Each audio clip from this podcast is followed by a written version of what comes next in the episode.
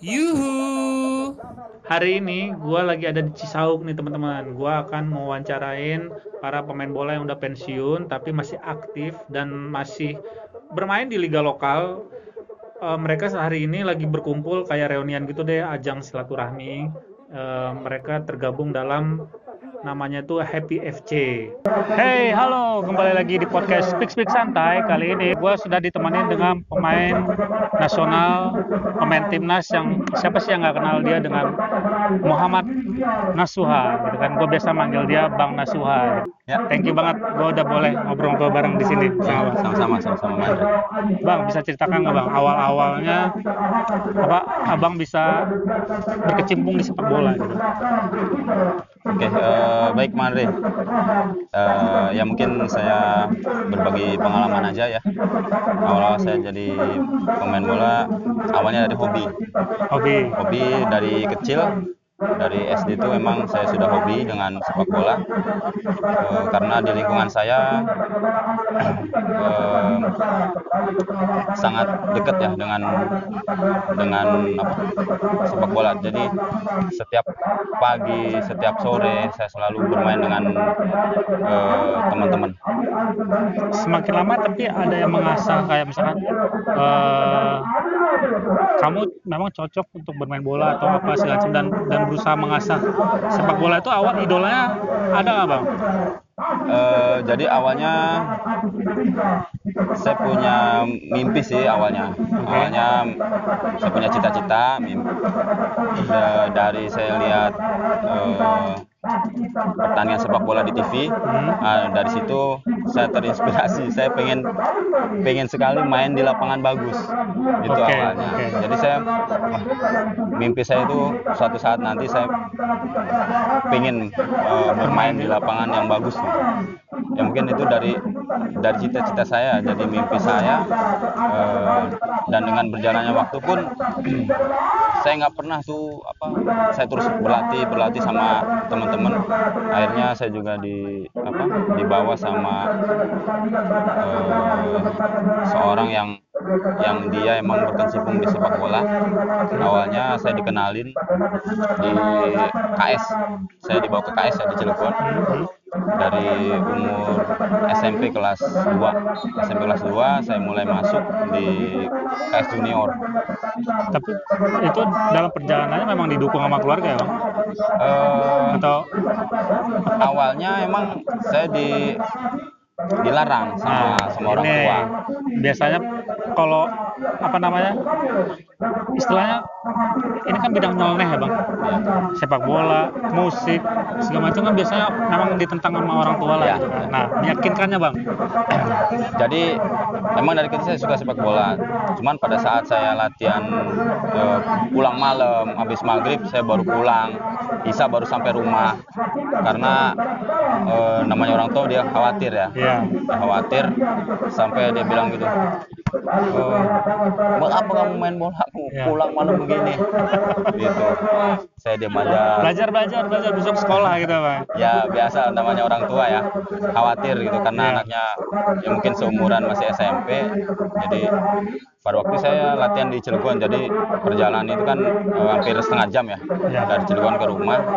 Jadi pulang habis maghrib nyampe itu pasti pas Isa, Isya, pas ya. Isa sampai rumah Saya dilarang cuman eh, tidak mengurangi rasa semangat saya untuk tetap bermain bola gitu dan saya meyakinkan orang tua saya ketika saya pas SMA Hmm.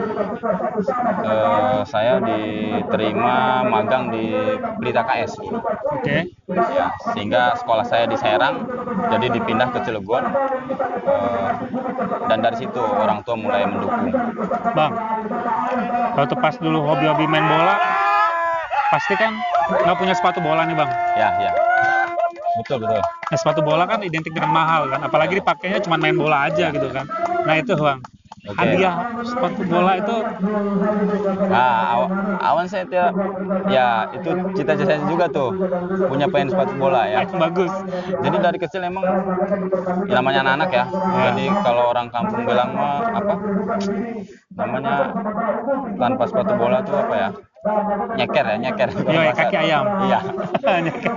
jadi saya pertama kali punya sepatu bola itu saya dikas dibeliin kakak saya Oke. itu satu-satunya sepatu yang saya apa pakai terus sampai sampai ininya bolong Jebol. Tepet saya pakai Ah, suatu bola gitu ya. sampai bolong tapi tetap tambah lagi rusak tambah lagi karena emang pada waktu juga Dalam rangka apa bang? Kakak dulu bang ngasih?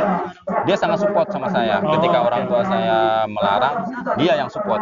Jadi dia yang ngasih ongkos. Oh, oke oke. jadi kasih ongkos. Dan ketika saya sekolah Ya, itu saya nggak pernah jajan di sekolah oke. saya simpen buat ongkos Ke lapangan. ke lapangan ke Cilegon sampai ya saya saya saya tahan-tahan ya kalau sekolah tuh kasih jajan kan cuman saya nggak pernah kasih jajan nggak saya buat jajan gitu Ya untuk ongkos. saya buat ongkos guys, usaha guys, gitu kan. Itu salah satu contoh yang harus di ini nih. ya ya itu salah satu Nah, Bang. ya mungkin yang Eh, pas lagi main bola nih bang, kan biasa ngacak tuh, ah gue jadi kiper ah, gue jadi kiper gitu kan, atau ah gue striker gitu kan, segala macam pengen ngegolin gitu kan. Yang ngebentuk jadi back atau gelandang atau itu, itu apa sih bang? Biasanya bang? eh, ya awalnya saya dulu pemain striker Oke. ya Ah. awalnya saya striker saya ketika masuk di KS juga Ya. main striker tapi pas eh, ada pelatih saya juga eh, selalu apa meng, apa memutar ini apa eh, Eh, orang bisa bermain di sisi mana segala macam. Iya, jadi merotasi, merotasi supaya jadi bisa striker, gelandang, kadang di belakang, di sayap. Jadi nggak hanya satu posisi aja. Jadi dia yang yang apa? Yang rancik gitu. Sehingga eh, ketika saya main striker, saya juga pernah main di gelandang, main di wing, main main di belakang itu ketika saya udah udah di liga malah udah di liga turun jadi pemain back Apa? kiri Itu mengenai kenyamanan atau apa sih bang biasanya bang? Eh, awalnya emang kalau posisi baru agak susah ya adaptasinya Oh, oke. tapi dengan pelatih memberikan pemahaman Oke. cara kerjanya seperti apa di masing-masing posisi itu akhirnya kita paham dan semuanya bagi saya nyaman ketika saya main di striker main di gelandang main di wing main di back Ya. saya nyaman Abang, kan apa namanya? Gue salah satu yang pernah nonton Bang Nasuhan ya waktu pas Piala AFF. ya Masih pelatihnya apa? Alfred Alfred Riedel. seperti itu Itu kan apa ya? Menurut gua itu sadis sih bang, parah. Apa namanya? eh, Senayan itu merah semua segala macam dan itu kayak kebangkitan bola nas Indonesia banget gitu. betul betul dan itu ya gue masih merinding bang ya. karena gue di situ sambil menyanyikan Indonesia Raya juga sambil wah gila gitu kan ininya apa ambience-nya gitu nah bang itu ada nggak sih bang rasa kayak misalkan eh, pelatih kayak ngomong ini eh, kalian harus tenang ini ini emosi segala macam eh, maksudnya tahan emosi jangan karena mungkin fisik akan terguras capek segala gitu itu ada instruksi kayak gitu nggak sih mas? Ya pelatih pasti menginstruksikan seperti itu karena untuk menjaga emosi kita harus bisa ngontrol. Iya. Kita sebagai pemain harus bisa ngontrol emosi kita supaya emosi itu tidak menjadi apa eh, kepermainan yang kasar. Jadi emosinya harus harus positif. Iya. Kalau emosi negatif kan kita main hajar-hajar. Ya. dan dan apa strategi yang dibikin pelatih malah jadi nggak ini emang ya Ya, kalau kita udah se- udah emosi, otomatis pemain itu blank. oh iya Tidak akan jalan apa yang diinstruksikan oleh pelatih itu tidak akan jalan. Kalau udah emosi, udah dia susah untuk untuk nah bang itu yang yang netralisirin emosi pemain di lapangan tuh siapa sih bang? Biasanya bang? Ya gitu. Sebenarnya dari kita sendiri ya kita harus bisa ngontrol emosi kita dengan mungkin dengan apa eh, pengalaman kita supaya kita tidak membuat pelanggaran yang yang gitu. sia-sia iya yang apa? sia-sia eh, ini tim gitu merugikan Ya. tim gitu bang. ya. karena ya itu bisa merugikan tim kalau kita kartu merah kalau kita main kasar kan tim kita juga yang jelek jadi semua pemain itu butuh konsentrasi yang tinggi kalau menurut saya apalagi dalam eh, timnas ya Iya. itu tidak bisa kita membuat satu kesalahan yang benar-benar akan menjadi fatal dari kesalahan sekecil apa pun. Jadi ke 11 pemain itu kalau satu pincang nih itu tidak bisa skema tidak akan jalan. Itu namanya teamwork itu ya bang. Ya. Jadi namanya kesebelasan ya harus semua harus kompak. Nah bang, pemain bola kan eh, apa namanya biasa dengan full kontak lah gitu kan segala macam. Bang, abang kan pernah cedera parah nih bang. Ya. Cedera lutut itu eh, drop nggak sih bang? Waktu pas cedera itu ngerasa drop nggak sih? Eh, awal-awal ya awal-awal iya tapi saya masih optimis karena saya masih punya harapan untuk sembuh waktu itu. Karena bang, Eh, ya karena mungkin teman-teman juga banyak yang yang kena cedera terus dia bisa bangkit lagi bisa main lagi. Dan saya punya harapan itu. Cuman dengan berjalannya waktu awalnya saya eh, bisa bermain lagi. Setelah dua, dua tahun pasca operasi saya bisa bermain lagi cuman emang salahnya cuma saya terlambat fisioterapi aja waktu itu oh oke oke. keterlambatan fisioterapi yang yang menurut saya setelah operasi itu harusnya langsung penanganan fisio. Fisio. Cuman waktu itu sampai Tapi fasilitasnya kalau sekarang di zamannya Bang Naswa tuh untuk khususnya untuk treatment seorang pemain sepak bola bagi pemain timnas gitu bang ya yang eh, yang berjuang demi negara lah gitu kan. Itu treatmentnya tuh gimana sih bang? Bagus nggak sih bang? Kalau misalnya untuk cedera gitu gitu penanganannya? Treatment penanganannya ya waktu itu udah udah bagus ya. Udah bagus eh, secara untuk untuk menangani atlet yang cedera ya. Di fisioterapi ya. Saya juga fisioterapi di Unggul terus di Royal Sport juga waktu itu. Sekarang udah udah bagus. Cuman kesalahan waktu itu fatalnya saya terlambat aja. Terlambat fisioterapi. Itu di itu masih di klub mana bang?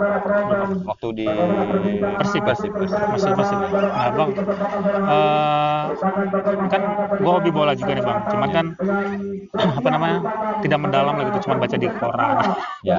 Lihat di internet gitu kan segala macam. Bang apa sih bang yang mendasari eh, orang itu berpindah-pindah klub atau misalkan stay di klub lama? Kayak misalkan contoh misalkan kayak sekarang kan kayak Messi sama Ronaldo gitu kan kalau Ronaldo kan dia stay berapa lama ntar pindah lagi ke klub mana ke klub mana kalau Messi kan selalu tetap di Barcelona tuh gitu. Nah bang apa sih bang biasanya bang yang mendasari eh, pemain-pemain itu untuk berpindah-pindah atau enggak tetap di satu klub aja gitu? Biasanya apa bang menurut pengalamannya ya bang biasanya emang pertimbangannya mungkin dari dari komitmen ya komitmen awal. Terus Oke. dari usia kita juga mungkin. Karena kalau kalau masih muda mungkin prospeknya bisa 2-3 tahun di tim itu ya. Tapi kalau memang eh, apa klub hanya kontrak satu tahun. Ya biasanya pemain udah udah siap-siap untuk mencari klub baru lagi gitu. Karena kayak tidak seperti di luar negeri kontrak kan 4 tahun lima Iya. musim. Kalau di Indonesia kan paling setahun dua tahun. Oh iya Gitu. perbedaannya itu. Jadi kalau musim ini habis kalau dia masih dipertahanin oke ada perjanjian baru lagi. Bang, gue punya pandangan nih bang, nggak tahu salah apa nggak. Nama juga orang luar ya. Uh, gue nggak tahu bang. Kadang-kadang gue kalau ngeliat uh, pemain apa, kalau ngeliat permainan bola kayak U16, U18 gitu kan, itu cakep-cakep banget bang. Maksudnya mereka tuh visinya kayaknya, wah terus bermain tapi kalau udah di tahap apa namanya tim senior gitu. Ya. seperti ada greget yang kurang gitu. Di tim nasional? Di tim nasional. Kenapa sih bang? Apa bang ada ngelihat hal itu juga atau Ya, saya juga melihatnya ketika umur 16 tahun, 19 tahun, 20 sampai 2 23 itu mereka emang uh, bagus kelihatannya. Tapi ketika ya itulah timnas timnas kita emang uh, untuk pembinaan cukup bagus sebenarnya. Cuman ketika udah dipulangkan ke masing-masing kembali lagi ke pemain itu sendiri karena nanti ada event baru dikumpulin lagi oh. ya. kumpulin lagi jadi paling dua minggu persiapan atau sebulan oh, jadi nggak pendek banget bang ya jadi nggak nggak selalu uh, kumpul gitu terus yang bikin uh, ini saya pertanyaan saya juga emang banyak pemain yang ketika di 19 dia bagus ya pemain yang mau Evan Dimas ya. seperti itu kan kan bagus tuh tim itu bagus cuman ketika dia sudah ke senior cuma ada beberapa orang aja yang masih kelihatan ya. Iya. yang lainnya ke mana gitu? Kayak menurun dan iya. hilang gitu gitu ya ya itu kembali lagi ke diri kita pribadi masing-masing sebagai pemain. Kalau kita profesional ya kita harus menghargai profesi kita. Itu pembinaan atau memang diri sendiri sebenarnya bang? Ya pengaruhnya mungkin dari dari lingkungan juga bisa. Dari lingkungan juga bisa. Apa yang biasanya diperbuat sama senior senior bang? Ya kalau senior sebenarnya mah selalu mendukung apa pun di uh, supaya anak muda ini bisa maju ya. Cuman kembali lagi ke pemain itu, apakah dia setelah timnas dia merasa hebat ya oh, atau oh, dia merasa puas. Perasaan itu yang ya mungkin salah satunya mungkin ya. Kalau saya mungkin karena kalau pemain sudah merasa hebat, merasa puas, hmm itu udah pasti. Dia juga pasti males latihan. Merasa ya, ya, ya. udah hebat jadi oh, udahlah saya nggak perlu lagi latihan. Ya, ya, ya kan? Akhirnya ya tertinggal lagi. Gitu. Bang di apa namanya di Indonesia bang menurut bang Naswani siapa pemain yang benar-benar menjaga fisiknya bang dari menjaga fisik yang benar-benar deh gitu. misalkan menjaga pola makan yang sehat atau enggak tidak merokok. Waduh siapa ya? Sulit ya. Ya banyak sih sebenarnya uh, bang sendiri masih ngerokok nggak bang? Kalau saya kemudian nggak ngerokok. Nggak ngerokok ya, ya. soalnya apa namanya? Itu lagi-lagi misalkan ngelihat dari uh, apa di liga-liga luar negeri lah gitu. Kan sering tuh di apa di diliput tentang uh, apa uh, kesehatan. kesehatannya segala macam jaga pola makan olahraga gini gini gini gini nah kayaknya berbanding terbalik berbanding berbalik dengan pemain kita gitu bang. Itu uh, gimana sih bang? Kan menurut menurut menurut gue nih fisik itu memang sangat di, dibutuhkan kan iya. dalam permainan sepak bola ini gitu. Ya itu kembali ke profesional. Rasa profesional ya rasa profesional itu. Gitu. Jadi kalau dia pengen apa, lama di sepak bola ya harus yeah. dia harus bisa menjaga entah itu istirahatnya dari makannya gitu. Tidur cukup gitu ya? tidur ya? cukup ya dari pola makan. Ya, itu sebenarnya kembali lagi ke pribadi masing-masing sebenarnya. Nah bang uh, bang Nasuha nih punya mimpi apa lagi bang di bola bang? Ada mimpi yang pengen diraih kah atau apa gitu bang? Kalau untuk saat ini uh, ya saya pengen jadi pelatih sepak bola aja. Caranya bang, kalau jadi pelatih sepak bola tuh, kan kalau di luar tuh ada kayak pengambilan lisensi gitu kan bang, Iya. segala macam. Ya itu sekolah lagi. Oh di sini? Iya sekolah lagi kan dari ambil D, C, Ah, B, A, sekarang ada A Pro. itu ambil sekolah di mana bang? Eh, setiap tahun PSSI adain, Oh iya. ada setiap tahun ada. Itu program dari PSSI udah ada. Ah, kayak gimana bang? Belajar atau atau ada? Iya kursus lesson. Oh iya. Kebetulan saya juga pada saat ini baru pulang kemarin eh, modul 1 dari apa, lesson B. Wah. ha, ha, ha. Jadi nanti modul ada modul kedua lagi nanti. Oh, Jadi berarti- belum belum berarti, selesai. eh, saat ini mimpi Bang Laswa ingin menjadi pelatih ya Bang? Ya. Ya Bang. Eh, setelah itu, eh, setelah jadi pelatih gitu kan, lagi lagi ngambil sekolah gini, Bang. Menurut Bang Laswa sendiri ada yang ada yang perlu diperbaiki nggak sih Bang di persepak bolaan Indonesia kita, entah apa pun itu gitu? Eh, di pembiayaan di apa? Untuk timnas. Untuk timnas khususnya. Ya untuk saat ini sih PSSI sudah mulai bergeliat dari udah dari apa, sekarang dikenal dengan Villanesia itu ya. Jadi pembinaan di grassroots usia dini itu udah udah mulai sekarang. Makanya eh, setiap tahun PSSI mengadakan license C, license B untuk eh, membina anak-anak yang istilahnya eh, yang berbakat ya. Iya. supaya bagaimana cara main bola seperti apa prinsip main bola itu semua diajarin di situ.